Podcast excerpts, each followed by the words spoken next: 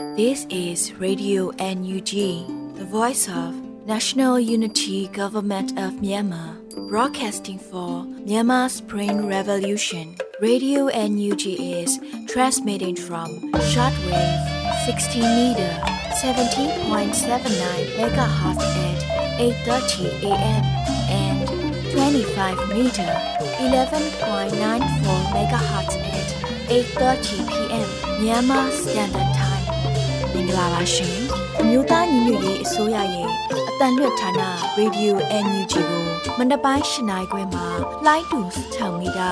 19တက်သမခွန်ကုန်းမဂါဟတ်စ်နဲ့ညပိုင်း၈နိုင်ခွဲမှာလိုင်းတူ25မီတာ17တက်သမ6လီမဂါဟတ်စ်တို့မှာဓာတ်ရိုက်ဖမ်းယူနားဆင်နိုင်ပါပြီရှင်မင်္ဂလာအပေါင်းနဲ့ကြည့်ကြကြပါစို့အခုချိန်ကစပြီး Radio NUG စီစဉ်လေးကိုဓာတ်ရိုက်အတန်နဲ့ပြင်နေပါပြီ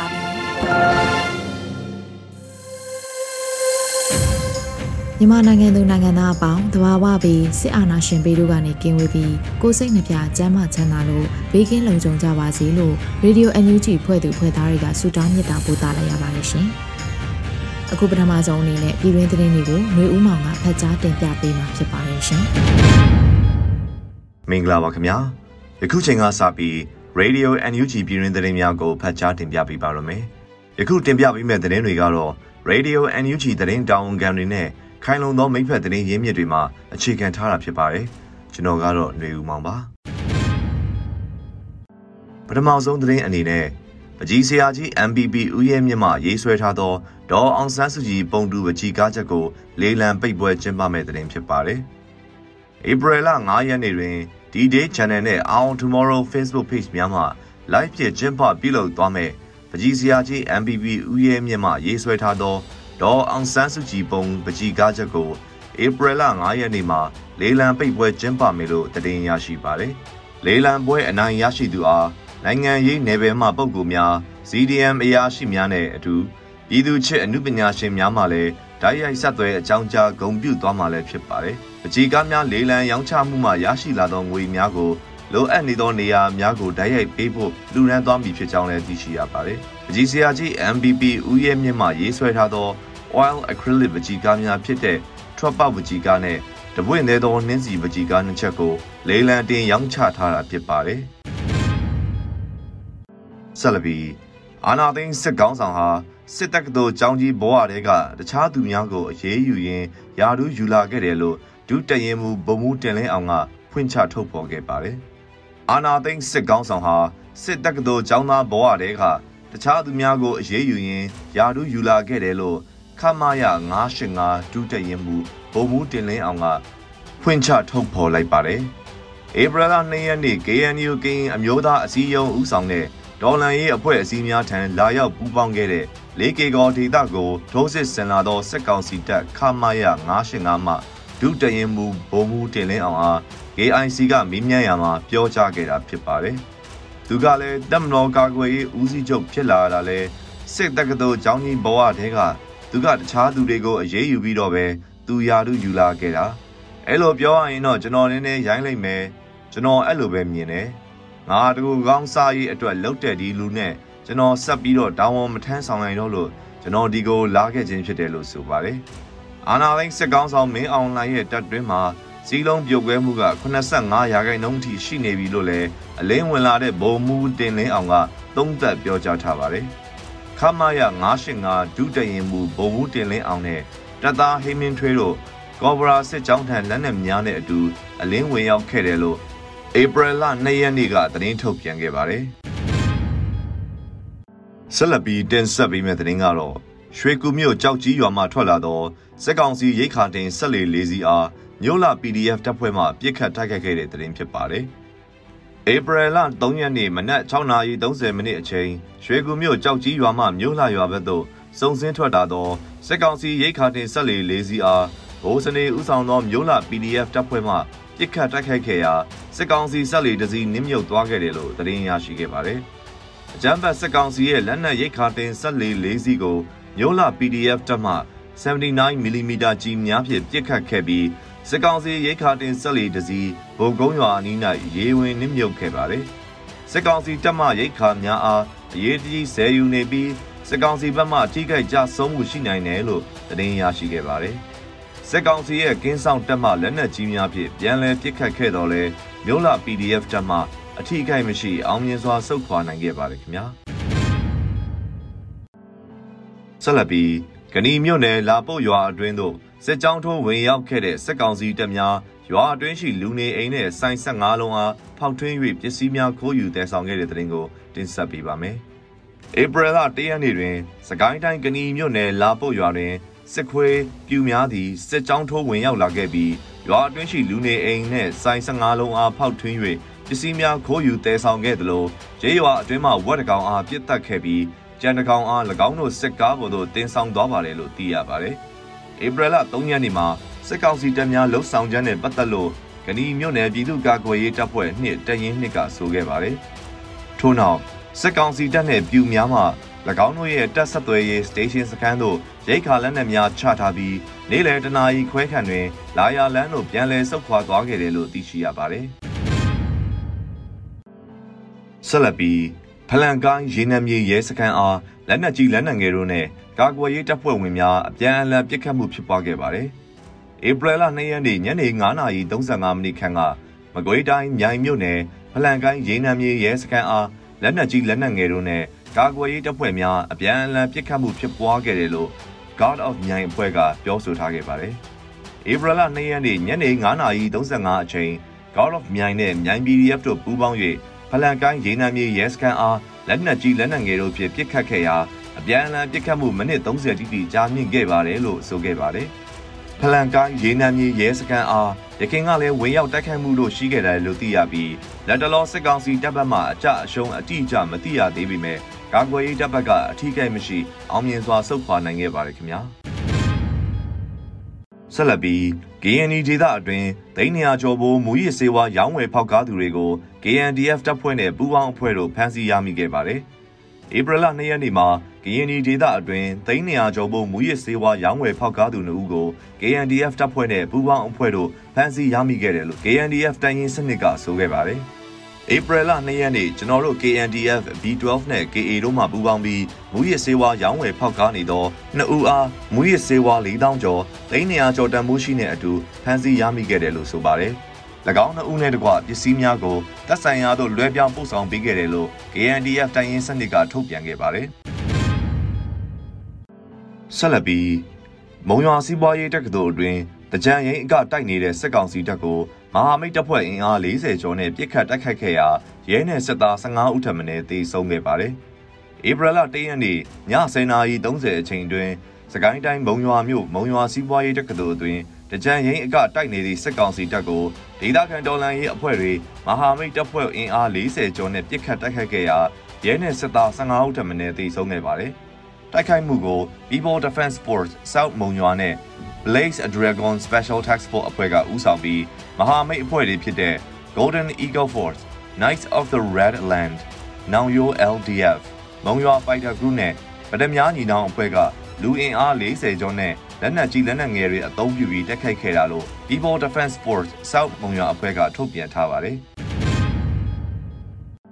နောက်ဆုံးသတင်းအနေနဲ့ CDM မူလတန်းပြဆရာဆရာမများအားလစာငွေများကို MGF တပ်ဖွဲ့ဝင်များကထောက်ပံ့ကူညီပေးမယ့်တဲ့တင်ကိုတင်ဆက်ပေးပါမယ်။ CDM မူလတန်းပြဆရာဆရာမများအားလစာငွေများကို MGF တပ်ဖွဲ့ဝင်များကထောက်ပံ့ကူညီခဲ့တယ်လို့မြင်းကြံ Guerrilla Force MGF ကဆိုပါတယ်။ချင်းတွင်းမှာစာနေကြောင်းဆက်လက်ရည်တည်ဖွင့်လှစ်နိုင်ရေးအတွက်လိုအပ်သောကျောင်းသုံးပစ္စည်းများစားအုပ်များရန်ပုံငွေနဲ့ CDM မူလတန်းပြဆရာဆရာမများအား လာစာငွေများကို MGF တပ်ဖွဲ့ဝင်များကလူဒန်းခဲ့ပါတယ်လို့ဆိုပါတယ်။ MGF တပ်ဖွဲ့ဝင်များအတွက်ဒေါ်လာရေးပစ္စည်းများဝယ်ယူခြင်းနဲ့ထုတ်လုပ်ခြင်းများကြောင့်ဒိုင်းတလောက်သာထောက်ပံ့လှူဒန်းနိုင်ပါတယ်လို့ဖော်ပြထားပါတယ်။တခုလာမှစ၍ MGF ကတတ်နိုင်သလောက်လာစာနဲ့စာရေးကိရိယာများပေးအပ်လှူဒန်းသွားမည်ဖြစ်ပါတယ်လို့လည်းဆိုပါတယ်။ MGF တပ်ဖွဲ့ဝင်များသည်ဒေါ်လာရေးကိစ္စများသာမကနယ်မြေစိုးမိုးရေးလုပ်ငန်းများနဲ့ ဖွံ့ဖြိုးရေးလုပ်ငန်းများကိုလည်းဒေသခံများနဲ့ပူးပေါင်းဆောင်ရွက်သွားမည်ဖြစ်ကြောင်းသိရှိရပါတယ်ခင်ဗျာ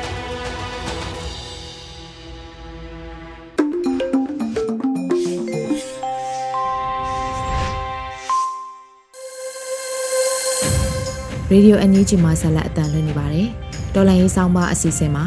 ထိန်လင်းတင်ဆက်ထားတဲ့ငါတို့မှာငါတို့ရှိရဲဆိုတဲ့ဆောင်းပါးအမှတ်၁၈ကိုနားဆင်ကြရတော့မှာဖြစ်ပါရဲ့ရှင်။ ရွေးမယ်ရွေးလိုက်ရတယ်လေချမ်းမြေဆိုတာပြီးရဲ့ထွက်ခဲ့ရပြီရှောင်ဘူးတယ်လေလွယ်တွေဘဝချလို့စားခဲ့ရပြီငါတို့မှာငါတို့ရှိတယ်။ဆောင်းမအမှတ်18ဖြစ်ပါတယ်။ကျွန်တော်ကထိန်လင်းမှာ ကြပြားဆိုတာစကလုံးတွေကိုတစားဆင်ပြီးပန်းတွေလိုတီဖွဲ့ထုံမွှန်းရတာဖြစ်တယ်လို့ကြပြားဆရာတွေရဲ့နှလုံးသားကလည်းနူးညံ့ပါတယ်။ဒါပေမဲ့တိုင်းပြည်မှာဒုက္ခကြုံရပြီဆိုရင်ပြည်သူဘက်တော်သားကြပြားဆရာများဟာရှေ့တန်းကရက်တီပါဝင်ကြပါတယ်။ဆီအာနာရှင်စနစ်ဆိုးနဲ့အာနာရှင်တွေအာနာရှင်လက်ပါစီတွေဟာစာပေရေးသားဝင်ပိတ်တာ ကလောင်နာမည်ပိတ်တာဖမ်းဆီးထောင်ချတာအေးအေးချမ်းချမ်းနေခွင့်မရအောင်လုပ်တာစသဖြင့်စာပေပညာရှင်တွေရဲ့ဘဝတွေကိုခေတ်ဆက်ဆက်ဖျက်ဆီးခဲ့ပါတယ်။စေအိုစုရဲ့မအောင်မြင်တဲ့နောက်ဆုံးအာဏာသိမ်းပွဲမှာတော့အကြမ်းဖက်တပ်ဖြတ်မှုတွေကြောင့်ကြပြားဆရာတွေတွေးမိကြခဲ့ရပါပြီ။အာနာကိုအရမရယူဖို့ကြိုးစားတဲ့အကြမ်းဖက်စစ်အုပ်စုကငြိမ်းချမ်းစွာဆန္ဒထုတ်ဖော်သူတွေကို အာနာသိမ့်ပြီးတပတ်အကြာမှာတနက်နဲ့စတင်ပြစ်ခတ်ခဲ့ပါတယ်။ပြီးခဲ့တဲ့နှစ်မတ်လ3ရက်မုံရွာမြို့ပြစ်ခတ်မှုမှာကြပြားဆရာ2ဦးကြာဆုံးခဲ့ရပါတယ်။သူတို့ကတော့ကြပြားဆရာကေဇဝင်းနဲ့ကြပြားဆရာမကြည်လင်အေးတို့ဖြစ်ပါတယ်။စာပေမောင်နှမတော်လန်ရေးရဲဘော်ရဲပဲလို့ပြောရမယ်ကြပြာဆရာနဲ့ကြပြာဆရာမတရက်သေးတမျိုးထဲမှာ ကြာဆုံးခဲ့တဲ့အဖြစ်ဟာဘယ်တော့မှမေ့ပြောက်နိုင်ကြမရှိပါဘူးကြပြာဆရာမကြည်လင်အေးဟာကျောင်းဆရာမဒေါ်မြင့်မြင့်စင်ဖြစ်ပါတယ်စာပေသင်ကြားပေးနေတဲ့တစ်ချိန်တည်းမှာပဲပရဟိတလုပ်ငန်းများကိုဥဆောင်ခဲ့သူဖြစ်ပါတယ်သူကမေတ္တာဓိကအွန်လိုင်းပရဟိတအသင်းရဲ့ဥက္ကဋ္ဌပါဒီလိုနူးညံ့တဲ့နှလုံးသားပိုင်ရှင်ဟာຫນွေဦးတော်လန်ရေးမှာအသက်ကို ကြိုတင်စွန့်လွတ်ထားသူဖြစ်ပါတယ်ဆီယာမကွယ်လွန်တော့သူ့လက်မှာသွေးအမျိုးအစားဖုံးနံပါတ်နဲ့ခန္ဓာကိုယ်အားလှူဒန်းပါသည်ဆိုတဲ့စာကို အနီရောင်နဲ့ရေးသားထားတာတွေ့ရပါတယ်အသက်36နှစ်အရွယ်ကျောင်းဆီယာမကြပြာဆီယာမပရဟိတသူရဲကောင်းတယောက်ရဲ့ရဲဝံ့မှုစွန့်လွတ်မှုနဲ့လေးစားအတူယူပွဲမွန်မြတ်တဲ့စိတ်ထားကိုတော်လန်ရေးမှာပြသွားပါတယ်။ မုံရွာကကျယ်တွေဟာတခြားသောအရက်ဒေသတွေမှာပါလင်းလက်တောက်ပနေတယ်ဆိုတာကို ပြလိုက်တဲ့သက်သေဖြစ်ပါတယ်။အမီရင်ကိုချမ်းသာဆွေဖြစ်တဲ့ကြပြားဆရာကေဇာဝင်းကလည်းအာနာရှင်တွေကို အသက်ဆွန့်တော်လှန်ဖို့ဆုံးဖြတ်ထားသူဖြစ်ပါတယ်။အာနာရှင်စနစ်ချုပ်ငိမ့်တဲ့အချိန်ထိအရာရာကိုရင်ဆိုင်မယ်ဆိုတာသူရေးသားခဲ့တဲ့ကြပြတွေကသက်သေဖြစ်ပါတယ်။ သူ့ကြပြတွေတဲကမကြဆုံးခင်တပတ်လိုဖေဖော်ဝါရီလ24ရက်နေ့မှာရေးသားခဲ့တဲ့နေဘူးထဲမှာနေမယ်ဆိုတဲ့ကြပြကိုကြည့်လိုက်ပါ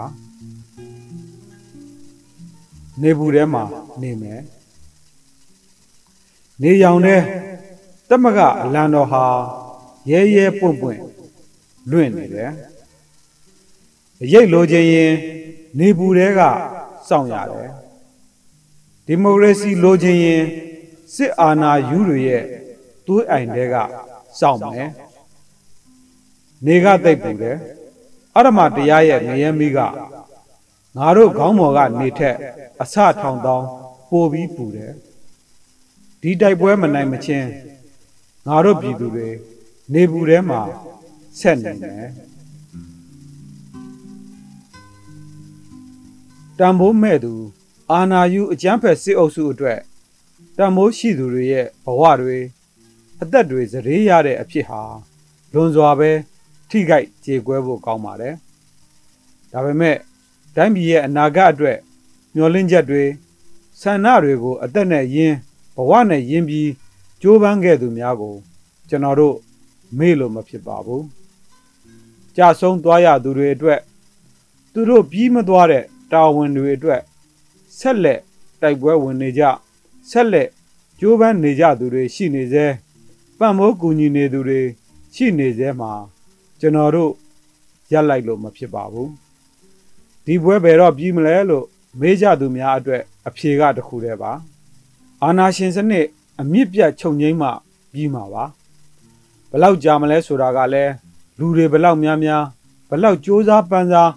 ပါဝင်ကြသလဲဆိုတဲ့အချက်ပေါ်မှာ မူတည်ပါတယ်မြမပြည်သူများခင်ဗျာအခုကာလဟာသူရဲကောင်းမျော်ရမယ့်ကာလမဟုတ်ပါဘူးကိုယ်တိုင်ကတော်လန်ရေးသမား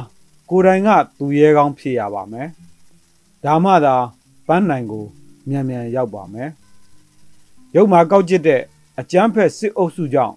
ရှေ့လျှောက်အခက်အခဲအကြက်အတဲတွေဒုက္ခတွေပိုပြီးရင်ဆိုင်ကောင်းရင်ဆိုင်ရနိုင်ပါတယ် ဒါပေမဲ့မလွဲမသွေဖြတ်တန်းရမယ့်ကိစ္စတွေမို့အားငယ်ဖို့မလိုပါဘူးငါတို့မှာငါတို့ရှိပါတယ်အားလုံးကျေးဇူးတင်ပါတယ်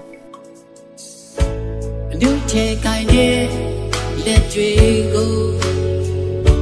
အရိုင်းမြေမှာအချဲတွေကိုင်းစေရင်ခီးပြ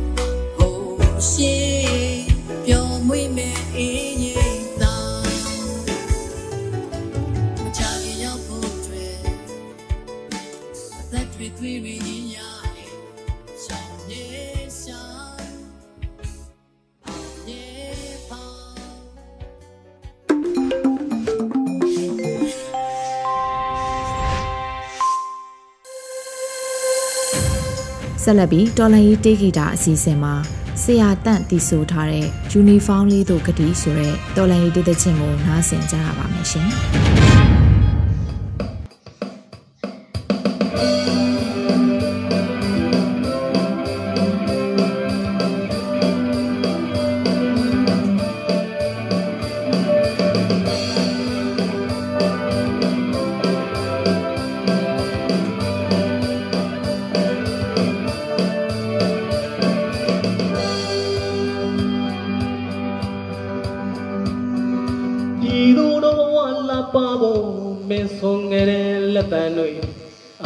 ရှင်တွေရိုက်ချိုးသွားတယ်လေ။နိုင်ငံရေးမုတ်တာဝန်ကြေဖို့လက်သုံးချောင်းထောင်ကလေးတာဝန်ကိုစီတိုက်ပွဲနှွဲခဲ့သလေ။အမိုင်းကြောင့်ကောင်းမမတော်ရဲ့ဘဝတွေသတိထားပေးခဲ့သလေ။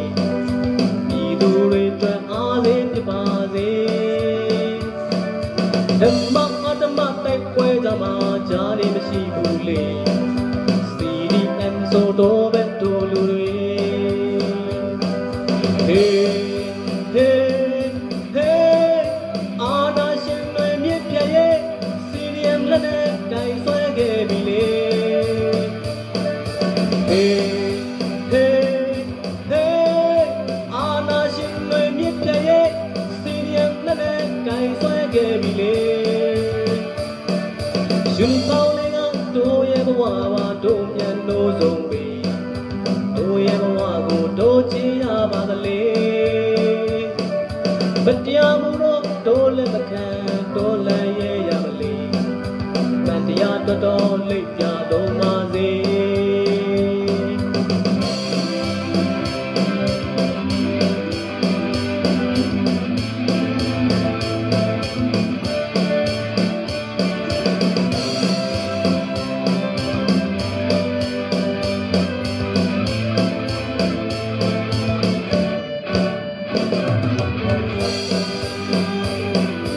Ei.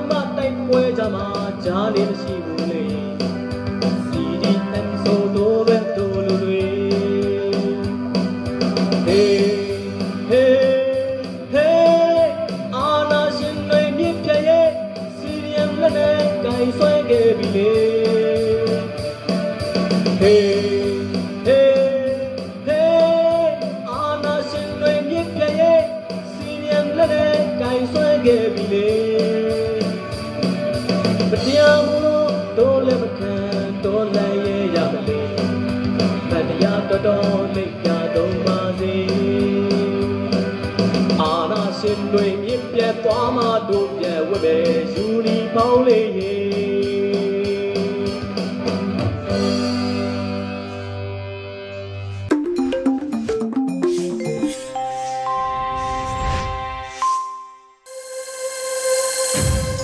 ရေဒီယိုအန်ယူဂျီမှာဆက်လက်အသံလွှင့်နေပါတယ်ရှင်။မမခဆောင်းပါအစီအစဉ်မှာຫນွေဦးမိုင်ဖတ်ကြားထားတဲ့ကိုဗစ်နောက်ဆက်တွဲယောဂနဲ့စစ်အာဏာသိမ်းနောက်ဆက်တွဲအကျိုးဆက်များ ကျွမ်းပညာရေးသို့မဟုတ်ပညာရေးဒီပညာရေးတက်တက်လားဆိုတဲ့ဆောင်းပါးကိုနားဆင်ကြရပါတော့မယ်ရှင်။ကိုဗစ်နောက်ဆက်တွဲယောဂါနဲ့စစ်အာဏာသိမ်းနောက်ဆက်တွဲအကျိုးဆက်များကျွန်းပင်ညာရေးသုံးမဟုတ်ပင်ညာရေးသည်ပင်ညာရေးတက်တက်လားပြီးခဲ့သည့်နှစ်နှစ်ကစတင်ကူးဆက်လာသည့်ကိုဗစ်ကူးဆက်ယောဂါ၏လက္ခဏာများဖြစ်သည့်ဖျားခြင်းအောက်ဆီဂျင်ကျခြင်းကြောင့် ခံစားရသည့်အသက်ရှူမဝခြင်းအနက်မရခြင်းချောင်းဆိုးခြင်းလက္ခဏာများပျောက်ကင်းသွားသည့်တိုင်လာနဲ့ချီ၍သို့မဟုတ်ထို့ထက်ပို၍အခြားသောအကျိုးဆက်ယောဂလက္ခဏာများခံစားတတ်ကြသည်ကိုကိုဗစ်လွန်ယောဂလက္ခဏာဟုခေါ်ဆိုလက်ရှိကြသည်တနည်းအားဖြင့်ကိုဗစ်နောက်ဆက်တွဲယောဂလက္ခဏာများဟုဆိုလက်ရှိကြသည်အလားတူပင်စစ်အာဏာသိမ်းမှုရဲ့နောက်ဆက်တွဲယောဂခံစားရမှုတွေကများပြားလွန်းလှသည် အများတရီပြုမိပြီးသားဖြစ်သည့်ဆန္ဒပြမှုအတွင်တေဆုံးသူတွေအဖမ်းခံရသူတွေစစ်အာဏာသိမ်းမှုစန့်ကျင်လှုပ်ရှားမှုကြောင့်နေအိမ်ပိုင်ဆိုင်မှုပျက်စီးဆုံးရှုံးမှုတွေကထင်သာမြင်သာရှိသဖြင့်စစ်အာဏာသိမ်းမှု၏ဓာတ်ရိုက်ခံစားရမှုဆုံးရှုံးမှုယောဂလက္ခဏာဖြင့်သတ်မှတ်ကြတော့လဲမိသားစုဝင်များရိုက်ခတ်ခံရသည့်စိတ်ပိုင်းဆိုင်ရာခံစားရမှုများဆုံးရှုံးသွားသည့်ပညာသင်ကြားခွင့်များ ကျမရေးစောင့်ရှောက်မှုအခွင့်အလမ်းများစိတ်တိုင်ရာများကို တိုင်းတာဖို့ခက်လာသည်လူသားများ၏စိတ်တိုင်ရာများဓာတ်ရိုက်အကျိုးဆက်ခံစားရသူတွေရဲ့ချစ်ခင်ရသည့်မိသားစုများ၏ခံစားချက်များကလေးသူငယ်နှင့်လူငယ်များ၏ပညာသင်ယူခွင့်ပျော်ရွှင်စွာဖြတ်တန်းရမည့်သူတို့ရဲ့လူငယ်ဘဝမှာစိတ်တန်ရာများဖြင့်ပြည့်နှက်နေပြီးအနာဂတ်မှာအကျိုးသက်ရောက်နိုင်ခြေစသည်တို့ကိုမိသူမြမှတ်တမ်းတင်နိုင်မည်မထင်ပါ ယနေ့နာနဲ့ကြားသိရသည့်ပသိမ်မြို့မှထင်ရှားသည့်ကြပြဆရာမောင်အောင်ဖွင့်၏သမီးဖြစ်သူမိမိကိုယ်ကိုအဆုံးစီရင်သွားသည့်အဖြစ်ပြက်သည်အထက်ကဆိုချင်သည့်တိုင်းတာရခက်ခဲသည့်စစ်အာဏာသိမ်းမှု၏ရိုက်ခတ်မှုအကျိုးဆက်တစ်ခုဟုဆိုလျှင်မမှားဟုထင်ပါသည်ခင်မွန်းဖြစ်သူဖမ်းဆီးခံထားရပြီးတွေ့ခွင့်မရထောင်နှံအပြစ်ပေးခံရအချင်းထောင်ပြင်ပမှာလူမှုရေးရိုက်ခတ်မှုစိတ်တန်ရာကို ကိုဗစ်ကူးဆက်ယောဂါတန်လဲခံရစသည့်အထွေထွေသောရိုက်ခတ်မှုတိုက်ခိုက်မှုတွေကိုထွက်ပေါက်မရှိတဲ့ကဲ့သို့ခံစားပြီးအရှုံးပေးသွားသည့်အဖြစ်ပြက်ဟုမိသားစုဝင်နဲ့ခင်မင်ရင်းနှီးသူတို့ကဆိုကြသည် သူ့လိုဖြစ်မျိုးတွေမြန်မာနိုင်ငံအနှံ့ပြားမှာရှိလိမ့်မည်မှာမြေကြီးလက်ခတ်မလွဲပါသို့တော့လူသိများသူစာပေအမှုပညာနယ်ပယ်နိုင်ငံရေးနယ်ပယ်နဲ့နှီးဆက်သည့်မိသားစုဖြစ်၍ယခုအဖြစ်ပြက်ကို တာရကတစ်ခုအဖြစ်သိရှိကြတော့လဲစာမဖွဲ့ဖြစ်သည့်အဖြစ်များမြောက်များစွာရှိမိမှာအသေးချပင်မိသားစုအလိုက်ဖမ်းဆီးခံထားရသည့်အဖြစ်ပြက်များစွာရှိသလိုလင်းများနှစ်ဦးစလုံးဖမ်းဆီးခံရပြီးအရွယ်မရောက်သေးသည့်သားသမီးအချို့ပါအကျဉ်းထောင်ထဲလိုက်ပါနေထိုင်ရသည့်အဖြစ်ပြက်တွေလည်းကျွန်တော်တို့ပတ်ဝန်းကျင်မှာအမိနဲ့တကွကြားသိနေရသည်စစ်အာဏာသိမ်းမှုရဲ့နောက်ဆက်တွဲအကျိုးဆက်တွေက တမိုင်းနဲ့ချီ၍တက်ရောက်မှုရှိမိမှာအသေးချပင်ဖြစ်ပြီးလုံနိုင်သည့်အချက်ကတော့လူမှုအတိုင်းဝိုင်းအနေဖြင့်ရုပ်ဝတ္ထုရော စိတ်သက်ရေးရပါအားပေးကူညီကြခြင်းပင်ဖြစ်သည်ရိတ်ခအကူငင်းစေဝအကူအညီတွေအသက်တမျှအရေးကြီးတဲ့ကဲ့သို့ပင်မိမိတို့ပတ်ဝန်းကျင်မှာအထက်ကလိုနိုင်ငံရေးအကြက်တီးလက်နက်ကင်ပြိပခတွေရဲ့အကျိုးဆက်ကိုခံစားကြရသူများ၏စိတ်ပိုင်းဆိုင်ရာဒဏ်ရာများကို ဝိုင်းဝန်းမျှဝေခံစားပေးကြဖို့အားပေးကြဖို့ကအရေးကြီးကြောင်းအခုအဖြစ်ပြက်ကတက်သေးပြလိုက်တဲ့ကဲ့သို့ပင်ဖြစ်သည်ယခုရက်ပိုင်းအခြေခံပညာအထက်တန်းစာမေးပွဲဖြေဆိုသည်နှင့်ပတ်သက်၍ပညာရေးကို အခုချိန်မှာသင်ယူသင့်သလားကျွံပညာရေးသခင်ပညာရေးစသဖြင့်ဝိဝါရကွဲစရာများပညာရေးကိုနိုင်ငံရေးအာဏာထူထောင်မှုနဲ့မိမျှချိတ်ဆက်ထားမလဲစသည့်မိခွန်းများပေါ်ထွက်လာခဲ့သည် စစ်ကောင်စီကအခြေအနေတည်ငြိမ်ကြောင်းចောင်းသားများပညာသင်ကြားနေနိုင်ပြီဖြစ်ကြောင်း CDM လုပ်သည့်ပညာရေးဝန်ထမ်းများရှိခဲ့သည့်တိုင်ပညာရေးကိုဆက်လက်လဲပတ်နိုင်ကြောင်းပြသလိုဒီမှာလဲတန်တရားဝင်စရာမရှိပါသို့တော့တစ်ဖက်မှာအစိုးရအကြောင်းများကိုသာလက်လန်းမိသည့်အများစုသောပြည်သူများအနေဖြင့်၎င်းတို့၏သားသမီးများကိုစစ်ကောင်စီလက်အောက်ကအကြောင်းများတွင် မထားပါက မိသည့်ရွေးချယ်စရာရှိတယ်လဲဆိုသည်ကလည်းအဓိကကြသည့်မေခွန်းဖြစ်ပြီးလောလောဆယ်အပြေမပေးနိုင်သေးဟုထင်ပါသည်အခြားရွေးစရာပညာရေးမရှိသေးသည့်အနေအထားတွင်နိုင်ငံရေးတိုက်ပွဲကနှစ်နဲ့ချီကြာမြင့်နိုင်သည့်အခြေအနေမျိုးတွင်နှစ်နှစ်သုံးနှစ်ပညာသင်ယူခွင့်မရသည့်အတိုင်းထိုင်နေရမည့်ကလေးသူငယ်လူငယ်များ၏ပညာသင်ကြားပိုင်ခွင့်ဆုံးရှုံးရမည့်အရေးလဲအရေးတကြီးထည့်သွင်းစဉ်းစားဖို့လိုအပ်ပါလိမ့်မယ် မိသားစုတိုင်းကအွန်လိုင်းကျောင်းထားဖို့ကျောင်းလာခအင်တာနက်ကွန်ပျူတာမိဘ၏ဘေးမှအကူအညီဆောင်ရွက်မပေးနိုင်ကြပါအလားတူကျေးလက်နယ်မြို့များတွင် digital ကွာဟမှုပို၍ကြီးမားသည်ကိုတွေ့ရမည်ဖြစ်သည်ကျွံပင်ညာရေး၏အမိမှဲ့ခေါ်ခြင်းသည်ကိုလိုနီခက်ကနိုင်ငံရေးစကလုံးဖြစ်ပြီးပညာရေးသည်နိုင်ငံရေးလက်အောက်ခံဖြစ်သည်မှာရေးဘူးရအဖြစ်အငင်းပွားစရာမရှိတော့လဲပညာရေးတစ်ခုလုံးက တရားရာနှုံးနိုင်ငံရေးကိစ္စရဲ့မဟုတ်ဟုမြင်ပါသည် အတက်ပညာပိုင်းအသိပညာပိုင်းများတွင်ပညာရေးသည်ပညာရေးသာဖြစ်ပြီးသမိုင်းဘာသာရပ်ကိုဝိဇာဘာသာရဲ့အချို့သောအပိုင်းများတွင်နိုင်ငံရေးစနစ်ကအယောင်ချဲထားတတ်ကြသည်ကိုလည်းအငင်းပွားစရာမရှိပါသို့တော့အတက်ပညာပိုင်းဆိုင်ရာပညာရေးကို ကာလရှည်ကြာသင်ယူခွင့်မရအောင်ကန့်သက်ခြင်းစန့်ကျင်ခြင်းတို့သည် ကလေးသူငယ်လူငယ်တို့၏ တင်ယူပိုင်ခွင့်ကိုပိတ်ပင်ရာရောက်ပြီးလူမှုအကျိုးဆက်ပေါင်းများစွာတက်ရောက်နိုင်သည်ကိုမူဝါဒချမှတ်သူတွေသတိပြုတင်သည်ဟုမြင်ပါသည်တိုက်ပွဲဤမဟာဗျူဟာနှင့်လိုက်ဖက်သည့်ပညာရေးဆိုင်ရာမူဝါဒများအလင်းအမြန်ပေါ်ထွက်သင့်ပြီဟုထင်မြင်မိပါသည်လအနေငယ်နဲ့အနိုင်အရှုံးရလက်မပေါ်ထွက်နိုင်သည့်အနေအထားဖြစ်လာခဲ့လင်ရေရှိတိုက်ပွဲနဲ့ကိုက်ညီသည့်ပညာရေးဆိုင်ရာမူဝါဒများလက်တွေ့ကျသည့်မူဝါဒများချမှတ်နိုင်ဖို့က ခေါင်းဆောင်အဖွဲ့အစည်းများ၏တာဝန်ဟုထင်မြင်မိပါသည်ပြည်သူစစ်မဟာဗျူဟာဆိုတာဒီတော်လန်ရေးမှာကျွန်တော်တို့ကျင့်သုံးတဲ့မဟာဗျူဟာက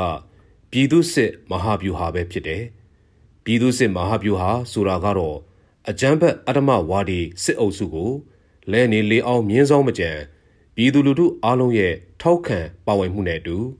နိုင်ငံရေးနီလန်စစ်ရေးနီလန်စိတ်သက်စစ်စင်ရေးနီလန် လူလူတိုက်ပွဲနီလန်စသဖြင့်နီလန်ဘောင်းစုံ ပုံစံဘောင်းစုံကိုအသုံးပြုပြီးတွန်းလှန်ဖြိုပြက်တိုက်ခိုက်တဲ့မဟာဗျူဟာဖြစ်တယ်။ NUG ကာကွယ်ဝန်ကြီးဌာန၏ပြည်သူ့ခုခံတွန်းလှန်စစ်6လပြည့်အစီရင်ခံစာမှကောက်နှုတ်ချက်ဒီကနေ့ကတော့ဒီညနေပဲ Radio NUG ရဲ့အစီအစဉ်လေးကိုခေတ္တရ延လိုက်ပါမယ်ရှင်မြန်မာစံတော်ချိန်မနေ့၈နိုင်ခွဲနဲ့ည ၈နိုင်ခွဲအချိန်တွေမှာပြောင်းလဲဆိုပြကြပါလို့ရှင် Radio NUG ကိုမနေ့ပိုင်း၈နိုင်ခွဲမှာလိုင်းတူ16မီတာ19.7မဂါဟတ်နဲ့ညပိုင်း၈နိုင်ခွဲမှာလိုင်းတူ25မီတာ17.6မဂါဟတ်တို့မှာဓာတ်ရိုက်ဖမ်းယူနားဆင်နိုင်ပါပြီရှင်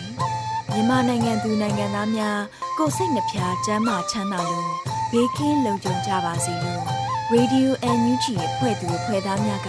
ဆုတောင်းလိုက်ရပါတယ်။ San Francisco Bay Area အခြေစိုက်မြန်မာမိသားစုများနိုင်ငံတကာကစေတနာရှင်များလိုအားပေးများရဲ့ Radio NUG ဖြစ်ပါတယ်ရှင်။အရေးတော်ပုံအောင်ရမည်။